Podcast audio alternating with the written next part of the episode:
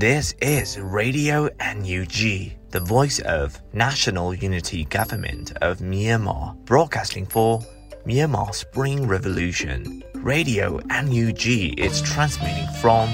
shortwave 16 meter 17.79 megahertz at 8:30 a.m. and 25 meter 11.94 megahertz at 8:30 p.m. Myanmar Standard Time. မင်္ဂလာပါခင်ဗျာ အမျိုးသားညီညွတ်ရေးအစိုးရရဲ့အတန်လွင့်ဌာန Radio NUG ကိုမနက်ပိုင်း၈နာရီခွဲမှာလိုင်းတို16မီတာစက္ကန့်တက်သမ9 MHz ညပိုင်း၈နာရီခွဲမှာလိုင်းတို25မီတာ17တက်သမ6 MHz တို့မှာဓာတ်ရိုက်ဖမ်းယူနိုင်နိုင်ပါပြီမင်္ဂလာအပေါင်းနဲ့ပြည့်စုံကြပါစေအခုချိန်ကစပြီး Radio NUG အစီအစဉ်တွေကိုဓာတ်ရိုက်အတန်လွှင့်ပေးနေပါပြီ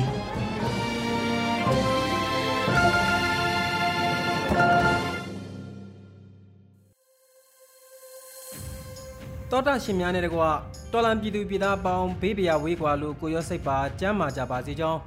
ဗီဒီယိုအန်ယူဂျီကစုမုံကောင်းတောင်းအပ်ပါတယ်ဒီကနေ့ဇန်နဝါရီလ23ရက်နေ့ရေဒီယိုအန်ယူဂျီရဲ့မနေ့ပိုင်းအတန်လွှင့်စီစဉ်များကိုစတင်တော့မှာဖြစ်ပါတယ်တောတာရှင်များဥဆုံးနားဆင်ရမှာကတော့ဗီဒီယိုအန်ယူဂျီစစ်ရေးသတင်းကောက်နှုတ်ချက်တွေဖြစ်ပါတယ်မောင်ကျူးကဖတ်ကြားတင်ပြထားပါတယ်ခင်ဗျာမင်္ဂလာပါခင်ဗျာ 2024ခုနှစ်ဇန်နဝါရီလ23ရက်နေ့မနက်ပိုင်းအတွက်ရေဒီယို NUG စီးရီးသတင်းများကိုဖတ်ကြားတင်ပြပေးတော့မှာဖြစ်ပါတယ်။ပထမဆုံးသတင်းတစ်ပုဒ်အနေနဲ့ခင်ဦးမြို့နယ်တွင်စစ်တပ်ကတပ်ကြီးရွယ်ဦး2ဦးအပါအဝင်ပြည်သူ9ဦးကိုတပ်ဖြတ်ခဲ့ဆိုတဲ့သတင်းကိုတင်ပြပါမယ်ခင်ဗျာ။ဇန်နဝါရီလ12ရက်နေ့ပါ။စကိုင်းတိုင်းခင်ဦးမြို့နယ်တွင်စစ်ကောင်စီစစ်ကြောင်းကတပ်ကြီးရွယ်ဦး2ဦးအပါအဝင်ဒေသခံပြည်သူ9ဦးကိုတပ်ဖြတ်သွားခဲ့တယ်လို့ ခင်ဦးမြို့နယ်သတင်းမှန်ပြန်ကြားရေးအဖွဲ့ကပြောပါတယ်။ဇန်နဝါရီလ12ရက်နေ့နံနက်ပိုင်းကခင်ဦးမြို့နယ်အနောက်ချမ်းမှာစစ်ကြောင်းထိုးနေတဲ့အင်အား80ကျော်ကန့်ပါစစ်ကောင်စီတပ်စစ်ကြောင်းကမြင်းကြကြီးရွာကအသက်60အရွယ်အဖိုးအို2ဦးကျွန်းတော်ကြီးကြီးရွာကအမျိုးသမီး2ဦးတက်တာပန်းတောင်ကြီးရွာကအမျိုးသား2ဦးနဲ့အမျိုးသမီး2ဦးစုစုပေါင်း9ဦးကိုတပ်ဖြတ်သွားတာဖြစ်ပါတယ်။ထို့ပြင်ကျွန်းတော်ကြီးကြီးရွာရှိနေအိမ်10လုံးကိုလည်းအဆိုပါစစ်ကြောင်းကမိရှို့ဖျက်ဆီးခဲ့တယ်လို့ ဒေသခံများကဆိုပါတယ်။ဇန်နဝါရီလ12ရက်နေ့မနက်9:00နာရီခွဲခန့်ကစတင်ပြီးအဆိုပါစစ်ကြောင်းနဲ့နယ်မြေကန်ပြည်သူ့ကာကွယ်ရေးတပ်ဖွဲ့များထိတွေ့တိုက်ပွဲ45မိနစ်ခန့်ကြာဖြစ်ပွားခဲ့ပြီးစစ်ကောင်စီတပ်သားများထိခိုက်ဒေဆုံးမှုရှိတယ်လို့ဒေါ်လာရင်းအင်အားစုများကပြောပါတယ်။ထိုနေ့ညနေပိုင်းတွင်အဆိုပါစစ်ကြောင်းဟာ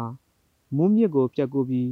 ရေဦးမြို့တွင်ထမ်းစင်များနဲ့ဝင်ရောက်သွားတယ်လို့သတင်းရရှိပါတယ်။ PDF စစ်ရုံးချုပ်ရဲ့ထုတ်ပြန်ချက်အရ ဇန်နဝါရီလ10ရက်နေ့ကခင်ဦးမြို့နယ်အင်တိုင်းကြီးကြေးရွာနောက်ဘက်တွင်စစ်ကောင်စီစစ်ကြောင်းကိုရွှေဘိုခရိုင် PDF တပ်ရင်း3ကတိုက်ခိုက်ခဲ့ပြီး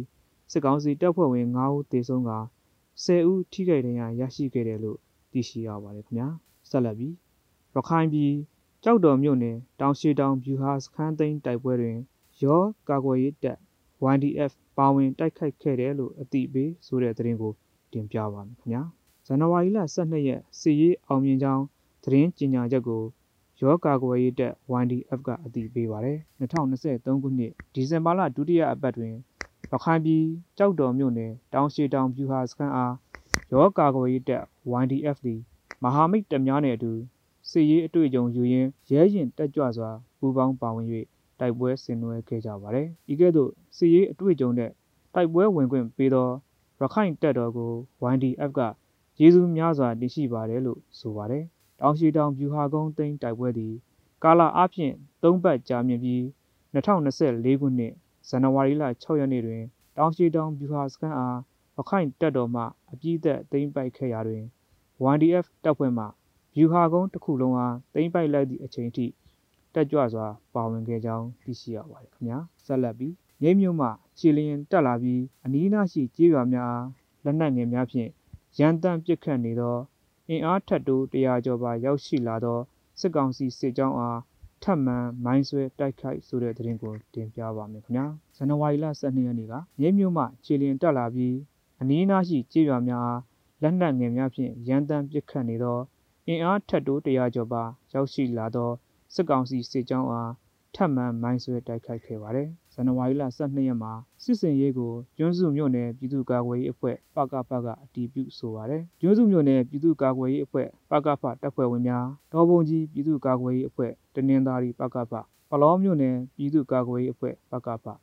တနင်္သာရီတိုင်းလုံခြုံရေးတပ်ဖွဲ့ဝင်များပူးပေါင်း၍ရင်းမြို့နယ်တကန်တောင်ပုကျေးရွာနဲ့ဝိုင်းတောင်ကျေးရွာကြားရင်းမြို့မှခြေလျင်တက်လာပြီးနီးနားရှိကျေးရွာများအားလက်နက်ငယ်များနဲ့ရန်တမ်းပစ်ခတ်နေသော အင်အားထက်တိုး100ကျော်ပါရောက်ရှိလာသောစစ်ကောင်စီစစ်ကြောင်းအားဇန်နဝါရီလ12ရက်နေ့နေ့လယ်တနာရီချိန်တွင်ထပ်မံမိုင်းဆွဲတိုက်ခိုက်ခဲ့ပြီးစစ်ကောင်စီတပ်ဖွဲ့ဝင်အထိအခိုက်အကြဆုံးစုံစမ်းလျက်ရှိကြောင်းသိရှိရပါတယ်။ပြည်သူ့ကာကွယ်ရေးတပ်ဖွဲ့များဘက်ကအထိအခိုက်မရှိအောင်မြင်စွာပြန်လည်ဆုတ်ခွာနိုင်ခဲ့တယ်လို့သတင်းရရှိပါတယ်ခင်ဗျာ။ဆက်လက်ပြီးကြိုက်ထိုအင်းဝဘန်ခွဲမှာလုံခြုံရေးယူနေတဲ့စစ်ကောင်စီတပ်ဖွဲ့ပြစ်ခတ်တိုက်ခိုက်ခံရ ပြည်သူစစ်တအုပ်တေဆုံးပြီးအယက်သားအမျိုးသမီး2ဦးထိခိုက်ဒဏ်ရာရဆိုတဲ့သတင်းကိုတင်ပြပါမယ်ခင်ဗျာ။မွန်ပြည်နယ်ကြိုက်ထုံမြို့နယ်အင်းဝဘန်ခွဲမှာ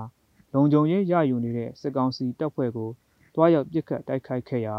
စစ်ကောင်စီလက်အောက်ခံပြည်သူစစ်တအုပ်တေဆုံးခဲ့တယ်လို့စစ်စင်ရေးဖော်ဆောင်ခဲ့တဲ့ပြည်သူ့ကာကွယ်ရေးတပ်ဖွဲ့တရင်9805တပ်ခွဲလေးကပြောပါရယ်ဇန်နဝါရီလ12ရက်နေ့နေ့လယ်12:26မိနစ်အချိန်ကတိုက်ထုံမြို့နယ် ကန်းကော်ရက်ကွက်မြို့နယ်ဘလုံးကွင်းဘေးမှာရှိတဲ့အင်းဝဘန်ရှိမှာလုံခြုံရေးစောင့်နေတဲ့စစ်ကောင်စီတပ်သားတွေကိုပြည်သူ့ကာကွယ်ရေးတပ်ရဲဘော်များကကားဖြင့်ရောက်လာပြီးဝင်ရောက်ပစ်ခတ်တိုက်ခိုက်ခဲ့တာဖြစ်ပါတယ်။ကျွန်တော်တို့ပစ်ခတ်ခဲ့တာကအင်းဝဘန်ရှိလုံခြုံရေးယူပေးနေတဲ့ပြည်သူစစ်တွေကိုပစ်ခတ်ခဲ့တာဗျ။ကျွန်တော်တို့ပစ်တဲ့အချိန်မှာပြည်သူစစ်တအူးပဲရှိနေပါတယ်။ဗန်ရှိမှာစစ်သားတအူးကထမင်းစားနေတယ်ဗျလို့ပြည်သူ့ကာကွယ်ရေးတပ်ဖွဲ့တပ်ရင်း9805တပ်ခွဲလေးက ရဲဘော်တို့ကပြောပြပါတယ်။အဆိုပါပြစ်ခတ်တိုက်ခိုက်မှုကြောင့်ပြည်သူစစ်တအုပ်မှနေရာတွင်ပင်ပွဲချင်းပြီးတည်ဆုံခဲ့ပြီးဗန်တဲကစစ်သားတအုပ်ကပြန်လည်ပြစ်ခတ်ခဲ့မှုကြောင့်မျိုးသမီးတအုပ်ပေါင်ရှက်ထိခဲ့တယ်လို့၎င်း PDF ရဲဘော်ကဆက်ပြောပါတယ်။ဒေသခံတို့ရဲ့ပြောပြချက်အရအပြန်အလှန်ပြစ်ခတ်မှုဖြစ်စဉ်အတွင်းပြည်သူစစ်အဖွဲ့ဝင်တအုပ်တေဆုံးခဲ့ပြီးအမျိုးသမီး2ဦးထိခိုက်ဒဏ်ရာရရှိခဲ့တယ်လို့သိရှိရပါတယ်။ထို့ပြင်ပြစ်ခတ်မှုဖြစ်ပွားပြီး10မိနစ်အကြာမှာ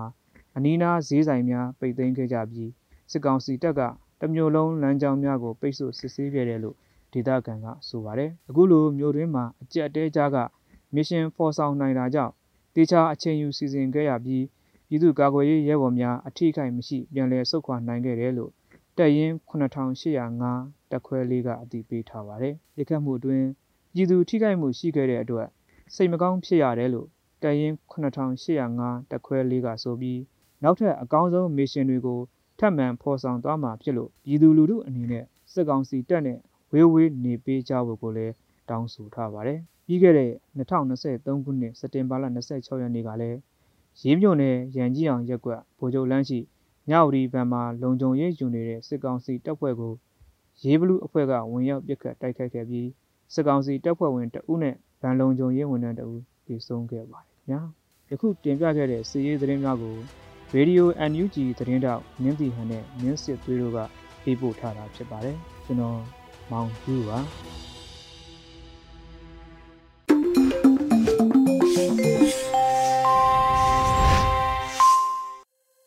စစ်ရေးသတင်းကောက်နှုတ်ချက်တွေကိုနားဆင်ကြရတာဖြစ်ပါတယ်ခင်ဗျာအခုထပ်မံပြီးတော့ပြည်တွင်းသတင်းများကို Sortes လူနေကဖတ်ကြားပါတော့မယ်ခင်ဗျာ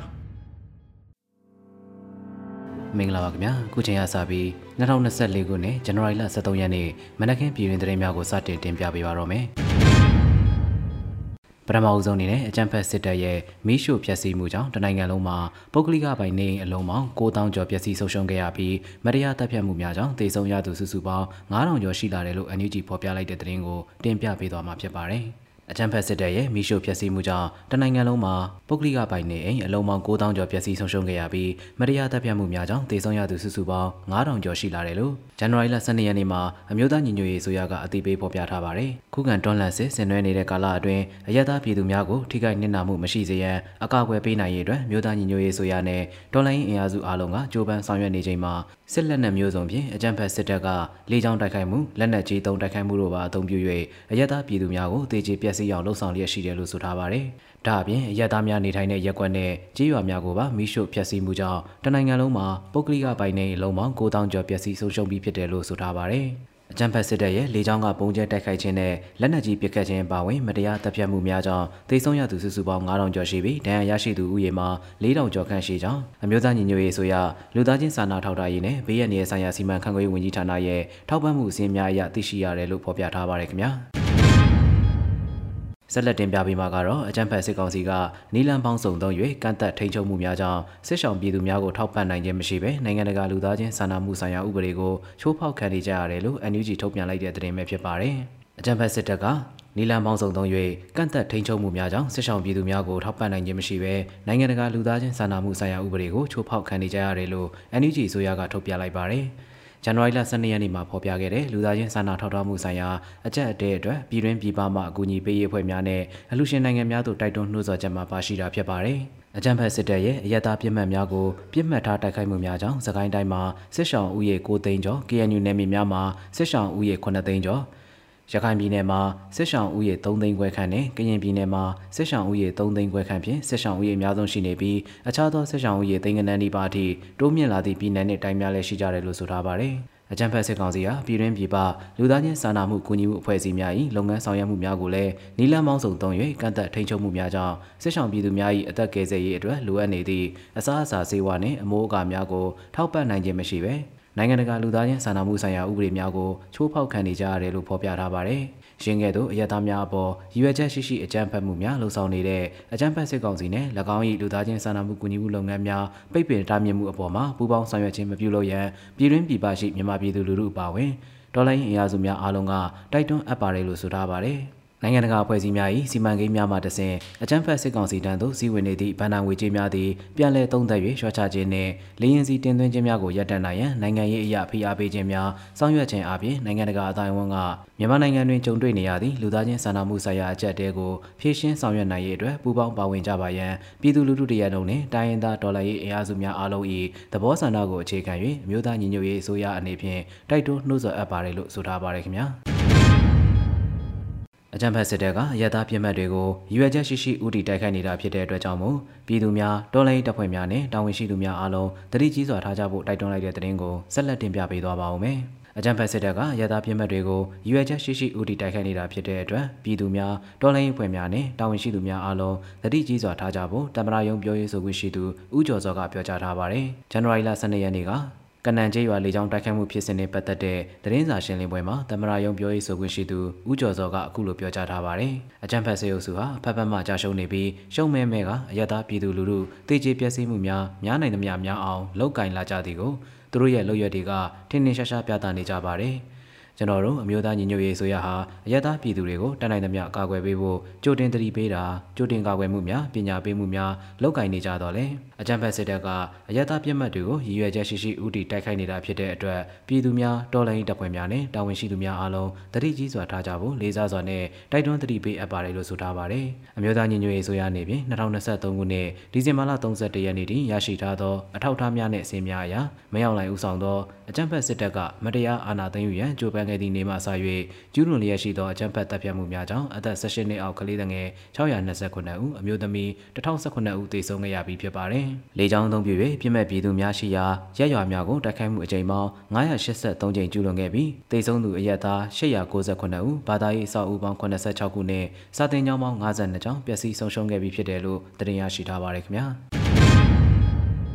စစ်ကောင်စီဟာတာဝန်ယူမှုတာဝန်ခံမှုရှိလာစေရန်တောင်းလိုင်းအင်အားစုများဝိုင်းဝန်းလက်တွဲတွန်းလှန်ရမယ့်အချိန်ဖြစ်တယ်လို့တောင်းတမတော်ဥက္ကဋ္ဌပြောကြားလိုက်တဲ့သတင်းကိုဆက်လက်တင်ပြပေးသွားပါမယ်။ စစ်ကောင်စီကျူးလွန်တဲ့စစ်ရာဇဝတ်မှုများကိုတနစ်ပြန်လည်ပြီးတာဝန်ယူတာဝန်ခံမှုရှိလာစေရန်တော်လိုင်းအင်အားစုများဝိုင်းဝန်းလက်တွဲတွန်းလှန်ရမယ့်အချိန်ဖြစ်တယ်လို့တောင်တမတော်ဥက္ကဋ္ဌဒုတိယဗိုလ်ချုပ်ကြီးတာအိုက်ဘုံကပြောဆိုလိုက်ပါတယ်။ဇန်နဝါရီလ12ရက်နေ့မှာကြာရောက်တဲ့62နှစ်မြောက်တအောင်မျိုးသားတော်လိုင်းရေးနေ့အတွက်မိကွန်းပြောကြားရမှာဥက္ကဋ္ဌကအခုလိုပြောဆိုလိုက်တာဖြစ်ပါတယ်။ပြည်ပရန်ကုန်ကာကွယ်ဖို့ဝယ်ယူထားတဲ့လေကြောင်းတိုက်ခိုက်ရေးလက်နက်ပစ္စည်းတွေကိုတွင်တွင်အသုံးချပြီးပြည်သူလူထုရဲ့အိုးအိမ်စီစိန်တွေကိုနေစဉ်နဲ့အမျှဘုံကျဲဖျက်ဆီးနေတဲ့စစ်ရာဇဝတ်မှုတွေကိုတာဝန်ယူမှုရှိလာစေအောင်တော်လိုင်းအင်အားစုများအနေနဲ့နဲ့ဝိုင်းဝန်းလက်တွဲပြီးတော့တွန်းလှန်ရမယ့်အချိန်ဖြစ်တယ်လို့ဒုတိယဗိုလ်ချုပ်ကြီးတာအိုက်ဘုံကပြောဆိုခဲ့တာဖြစ်ပါတယ်။တိုင်းပြည်ဗန္နာကိုစစ်ကောင်းဆောင်များကလိုတလိုအသုံးပြုခွင့်ရနေသမျှပြည်သူလူထုမှာစင်ရဲတဲ့ပိုစင်ရဲတော်တာကလွယ်လို့တိုင်းပြည်တိုးတက်တာမတွေ့ရဘူးလို့လည်း၎င်းကထပ်မံဆိုထားပါတယ်။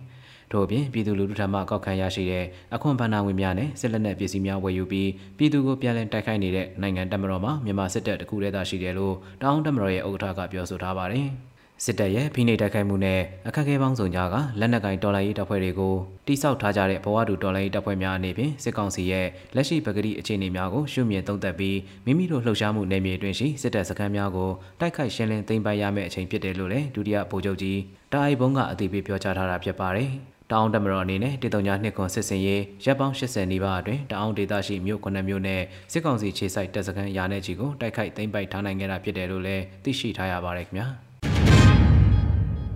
ဆက်လက်တင်ပြပေးမှာကတော့လက်ရှိအနေအထားအတိုင်းအပြန်အလှန်စစ်ဆေးရေးဆက်မလုပ်ပဲအပြစ်ရရန်စစ်ကောင်စီနဲ့ညီနောင်သုံးဘက်သဘောတူလိုက်တဲ့သတင်းပဲဖြစ်ပါတယ်။မြောက်ပိုင်းညီနောင်မဟာမိတ်သုံးဘက်နဲ့စစ်ကောင်စီတို့လက်ရှိအနေအထားအတိုင်းအပြန်အလှန်စစ်ရေးဖော်ဆောင်မှုဆက်မလုပ်ဘဲအပြစ်ရရန်သဘောတူညီခဲ့တယ်လို့တိုင်းရင်းသားတပ်ဖွဲ့တွေနဲ့နှီးစပ်သူတို့ထံမှသိရှိထားရပါတယ်။တရုတ်နိုင်ငံကူမင်းမြို့မှာပြုလုပ်ခဲ့တဲ့တတိယအကြိမ်ဆွေးနွေးပွဲမှာဇန်နဝါရီလ17ရက်နေ့ညပိုင်းကအခုလိုအပြစ်ရဖို့သဘောတူခဲ့တာဖြစ်တယ်လို့သိရှိရပါတယ်။နှစ်ဖက်တပ်များရောက်ရာနေရာကနေရှေ့ဆက်မတိုးရန်မြောက်ပိုင်းသုံးဖွဲ့ကစစ်တပ်စခန်းများနဲ့မြို့သိမ်းတိုက်ပွဲများဆက်လက်ဖော်ဆောင်ခြင်းမပြုရန်စစ်ကောင်စီဘက်ကလေကြောင်းလက်နက်ကြီးတိုက်ခိုက်မှုများမပြုလုပ်ရန်စစ်စင်ရေးအပြန်အလှန်မပြုလုပ်ရန်စတဲ့အချက်တွေကိုသဘောတူညီခဲ့ကြတယ်လို့သိရှိရပါတယ်။သို့သောအဆိုပါပြည်ရမှုမှာရှမ်းပြည်နယ်မြောက်ပိုင်းတွင်ပဲလားရခိုင်ပြည်နယ်မှာကောပါလားဆိုတာကိုတော့ရှင်းလင်းစွာမသိရသေးဘူးလို့ဆိုထားပါတယ်။အဆိုပါတွဲဆုံဆွေးနွေးပွဲကို MNDA မှဖုံခွန်ကျင်းရှင်နဲ့အဖွဲ့ဝင်9ဦးတအောင်တက်မတော်မှာဗိုလ်မှူးချုပ်တာပုံကျော်နဲ့အဖွဲ့ဝင်9ဦး ရခိုင်တပ်မတော်မှဒေါက်တာညိုထွန်းအောင်နဲ့အဖွဲ့ဝင်9ဦးအသီးသီးတက်ရောက်ခဲ့ကြပြီးစစ်ကောင်စီဘက်ကဒုတိယဗိုလ်ချုပ်ကြီးမင်းနိုင်ဦးဦးဆောင်တဲ့အဖွဲ့တက်ရောက်ခဲ့တယ်လို့သိရှိရပါတယ်။ဒါအပြင်ဆွေးနွေးပွဲကို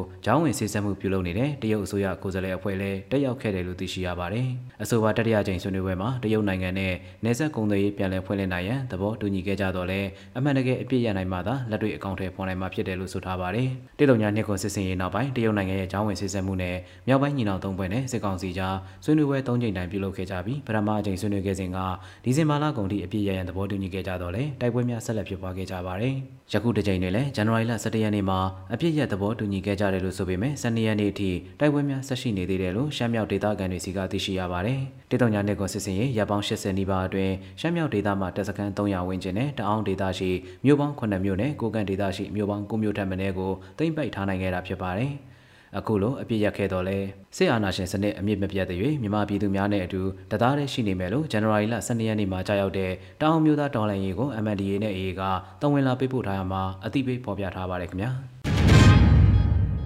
အခုနောက်ဆုံးတင်ပြပေးမှာကတော့နိုင်ငံအနှံ့နေရဆုံးခွာသူဦးရေ1.6တန်းကျော်ရှိလာတဲ့တဲ့င်းပဲဖြစ်ပါတယ်။နိုင်ငံအနှံ့နေရဆုံးခွာသူဦးရေ1.6တန်းကျော်ရှိတယ်လို့ဇန်နဝါရီလ10ရက်နေ့မှာ UN OCHA မြန်မာကအသိပေးဖော်ပြထားပါတယ်။ အော်တိုဘာလနှောင်းပိုင်းကစပြီးပြင်းထန်လာတဲ့တိုက်ပွဲတွေကြောင့်တိုင်းဒေသကြီးနဲ့ပြည်내များစွာတို့မှာနေရက်ဆွန့်ခွာသူတွေတိုးလာပြီးအရက်သားပြည်သူတွေရဲ့အသက်အန္တရာယ်ကိုချိန်ချောက်မှုတွေများလာတယ်လို့ဆိုထားပါတယ်။အော်တိုဘာလ26ရက်နေ့ကစပြီးရှမ်းပြည်နယ်မြောက်ပိုင်းနဲ့တောင်ပိုင်း၊ကယားပြည်နယ်၊ရခိုင်ပြည်နယ်၊ချင်းပြည်နယ်၊စကိုင်းတိုင်းဒေသကြီး၊မန္တလေးတိုင်းဒေသကြီး၊ပဲခူးတိုင်းဒေသကြီးအရှေ့ပိုင်း၊ကရင်ပြည်နယ်၊မွန်ပြည်နယ်နဲ့တနင်္သာရီတိုင်းဒေသကြီးတွေမှာနေရက်ဆွန့်ခွာသူဦးရေ6သိန်း6000ကျော်အိုးအိမ်ဆွန့်ခွာထွက်ပြေးနေကြရတယ်လို့ဆိုထားပါတယ်။ဒီလိုတိုးလာတဲ့အတွက် နိုင်ငံအနှံ့နေရဆွန့်ခွာသူဦးရေ1.6တန်းကျော်ရှိလာပြီဖြစ်တယ်လို့ဖော်ပြထားပါတယ်ခင်ဗျာအခုတင်ပြခဲ့တဲ့သတင်းတွေကိုတော့ Radio Energy သတင်းတောက်မင်းတီဟန်နဲ့မင်းစစ်သွေးတို့ကပေးပို့ထားတာဖြစ်ပါတယ်ကျွန်တော်စောတဲလူနေပါ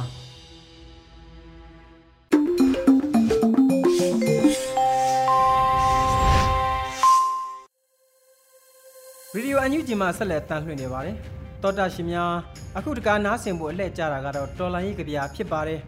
ဆရာစလိုင်းစုံရေးသားပြီး နှွေဦးမိုးခန်းစားရွတ်ဖတ်ထားတဲ့တော်လန်ကြပြရဲ့အမည်ကနာကျင်ချိန်ပုံမှာအနာတရလို့အမည်ရပါတယ်ခင်ဗျာနာကျင်အချိန်ပုံမှာအနာတရကောင်းကင်ကိုပြေးပြေးမောကြည့်ရတဲ့နောက်နေရက်တွေကိုကြောက်လန့်ခြင်းလို့တင်စားအဲ့လိုပြောလိုက်တဲ့စကားဟာနားလေရအခက်ဆုံးပဲတန်တရားအဆုံးထိတန်မာတဲ့ပဲစိတ်တွေပဲနောက်ဘဝအထိခရီးဆက်ခဲ့ကြ နွယ်ပင်နွယ်လိုရှက်လိန်နေတဲ့ရင်ဘတ်တွေမှာနောက်ဆန်တင်းတင်းအခုပဲကြည်ဒီခန္ဓာကိုယ်ပေါ်ပတ်ထားတဲ့ဆောင်းတွေတော့သွေးစိမ့်စတွေစိုးလို့လူလို့တိတဲ့စကလေးကဖိနှိပ်ခံရခြင်းကိုတစားတစားခံစားသိမြင်လူဟာလူလိုမနေရတာဆယ်စုနှစ်များစွာဖះเจ้าရဲ့ခေါင်းလောင်းတန်ဟာရုတ်တရက်မရဏလက်နက်အဖြစ်ပြောင်းလဲချိန်မှာ ဖះရဲ့လက်တော်တွေရစ်ပူစော်လိုက်ကြတယ်လို့မျိုးတစားစီဖြစ်သွားတဲ့ခန္ဓာအစိတ်အပိုင်းတဲ့သွေးတွေအသားစတွေနှလုံးသားတွေအသေးတွေကျိုးပဲ့တဲ့ခန္ဓာကိုယ်ကိုဖျားလက်ခံပေးပါစိတ်ကစိတ်ပဲယုံကြည်ချက်နဲ့လမ်းဟာတစ်ဖြောင်းနဲ့ပြေးတယ်မြင်ပြေးလန်းပေါ်ကတဖဝါမှမခွာတက်တဲ့လက်ဟာသွေးတွေနဲ့ တန်မာတဲ့ပဲပင်တွေအပွင့်အသီးတွေနာကျင်အချိန်ပူဟာအနာဒရပူပေးတတ်လေသလားစလိုင်းစုံ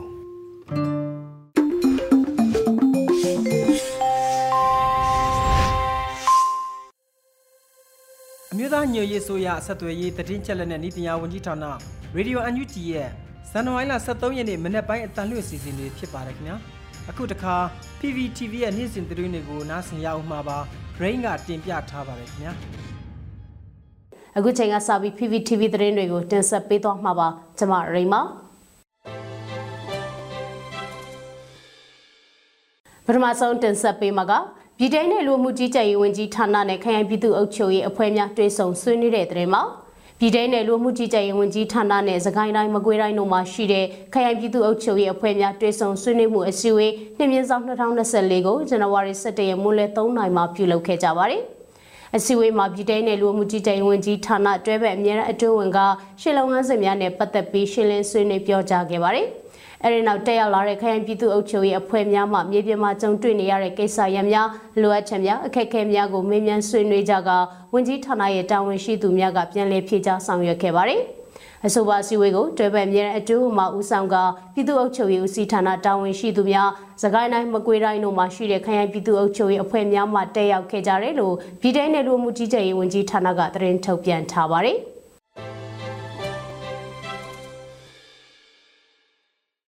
ထမန်တင်ဆက်ပေးမှာကတော့ချီယန်နယ်လီကတာအောအမျိုးသားတော်လှန်ရေးနေ့အထိမ်းအမှတ်ဖြစ်အကျဉ်းသား200ကျော်ကိုလွတ်ငင်းချမ်းသာခွင့်ပြုလိုက်တဲ့တဲ့မှာ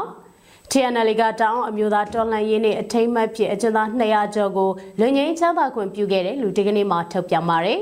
62နှစ်ပြည့်တောင်အမျိုးသားတော်လှန်ရေးနေ့အထိမ်းအမှတ်ဖြစ်အကျဉ်းထောင်အသီးသီးမှာပြစ်ဒဏ်ကြနေရတဲ့အကျဉ်းသား232ဦးကိုလွတ်ငင်းချမ်းသာခွင့်ပေးပြီး60ဦးကိုပြစ်ဒဏ်လျှော့ပေါ်ပေးခဲ့တယ်လို့ဖော်ပြထားပါတယ်။ အဆိုပါအကျဉ်းသူအကျဉ်းသား292ဦးအနက်ထောင်ဒဏ်တစ်လမှ9နှစ်အထိပြစ်ဒဏ်ကြခံနေရတဲ့အကျဉ်းသူအကျဉ်းသား232ဦးအားလွန်ငင်းချမ်းသာခွင့်ပေးခဲ့ပြီးထောင်ဒဏ်9နှစ်မှ20နှစ်အထိပြစ်ဒဏ်ကြခံနေရသည့်အကျဉ်းသူအကျဉ်းသား60ဦးကိုပြစ်ဒဏ်လျှော့ပေါ်ခံစားခွင့်ပြုလိုက်တာလို့ဖော်ပြထားပါတယ်။ 2024ခုနှစ်ဇန်နဝါရီလ12ရက်နေ့ဟာတောင်အမျိုးသားလူမျိုးရေးအတွက်လက်နက်ဆွဲကင်တော်လှန်ခဲ့တာမှာ62နှစ်ပြည့်မြောက်ခဲ့ပြီဖြစ်တယ်လို့ထုတ်ပြန်ချက်မှာဖော်ပြထားပါတယ်။အရင်ကလူငင်းချမ်းသာခွင့်ပြုခဲ့တဲ့အထက်မှာတိုက်ပွဲအတွင်းဖမ်းဆီးရမိခဲ့တဲ့စစ်တုပ်ပန်းတွေပါဝင်ခဲ့ပြီးအခုတစ်ကြိမ်လူငင်းချမ်းသာခွင့်မှာစစ်တုပ်ပန်းများမပါဝင်ဘူးလို့လည်း TNL ကအသိပေးထားပါတယ်။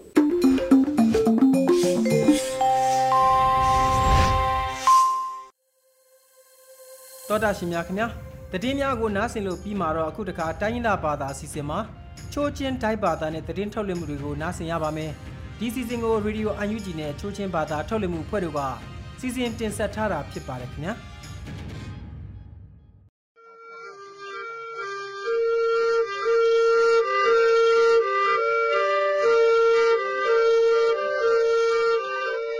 ซนบากีงอยหลับดอติลูได้คำอยู่อบุงนิ่งยาอุมทามนี้ตุงอยสิกสุขาอัมหุพลิกทุมขึ้นตัวมาตุงนิมหุยากาทักตุงเอซุนเกยได้สลายนอกันิงยาเทลตุไขนี้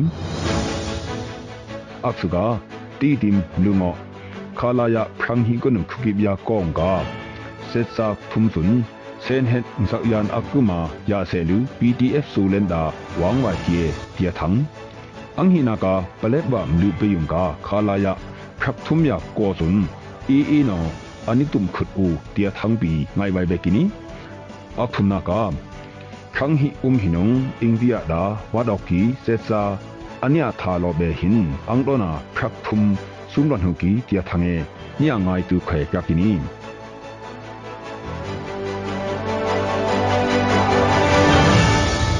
ดีติมดุงอคาลายะครั้งหิกุนุคุกิบยากองกา เซซักทุมสุนเซนเฮตซักยานอักกุมายาโลปุยอุลูวางโลกียนีติลู PDF ซูเลนนอทั้งอักปราหัวกากินี asuk ba wang wa ki se sai sun no ani yum nak da ani se kho wa ya ya ku e wai aning hui wa phu asu da lam aniam sum ani tia ka kini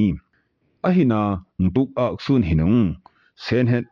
kie sun ya lo ni me so au om ma ya pi ya si yang be ni ti lu pdf so len no pet kini pdf so len da wang wa ki se sa ya pulik ang do na thum kip thui lon hong ti ti lu thangong aniu wa ka kini paleba mlu pe yung ka khala ya phak thum ko no ko se sa ngon han sun tum khulu sen hen sak yan ak dup da kan ya u ti lu lukhung i i no tu kha akhum no pung thangak prau vekini tu kha akom nu am nu pata i i ya se sa pu a aning la ka ntuk na dum lu se sa pu no khan ya ke ang mlhei lu tha na lu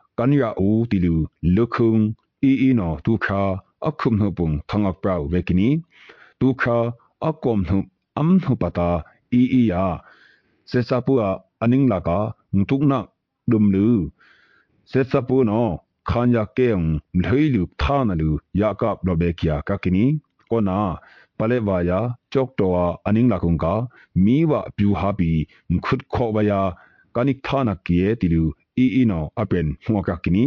khokum thong hi kunung mku yak thum apui lam khang hi um hinung setsa akdup da no aningo nak sa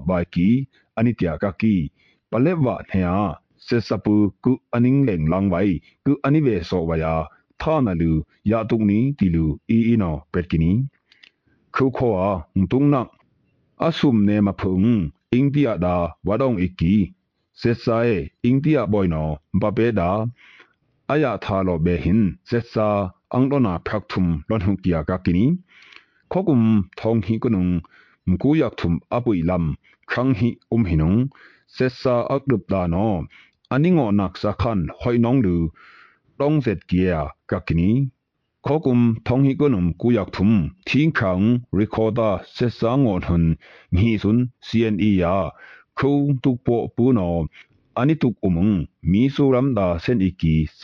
ะเยนักนี้ အိန္ဒိယဘော်နော်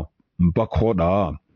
အနိယထာလောဗျာကကီနီ CNDF နော်တီဘွားဆက်ဆာငွန်ဟွန်အတုကုံစန်အီကီဆက်ဆာတာအီကွန်အီဟာလော်ကီတီတာကုမ်ဟုမဟာတာကကီနီအီအီနော်ပလဲဝပွိုင်ဖရက်ထုမ်ကွန်ခုကီဗျာခုအတုကုံလောင်အီကီဆက်ဆာဖရမကီပီအနိယထာလောဘေပူငါကကီနီအီအီယာမရာ MDF နော်ရှင်းလက်ဝ နီမဒေကုံအနိအူဝမန်ယာပေါကလွိထိကီဘုံယာနေဟင်အ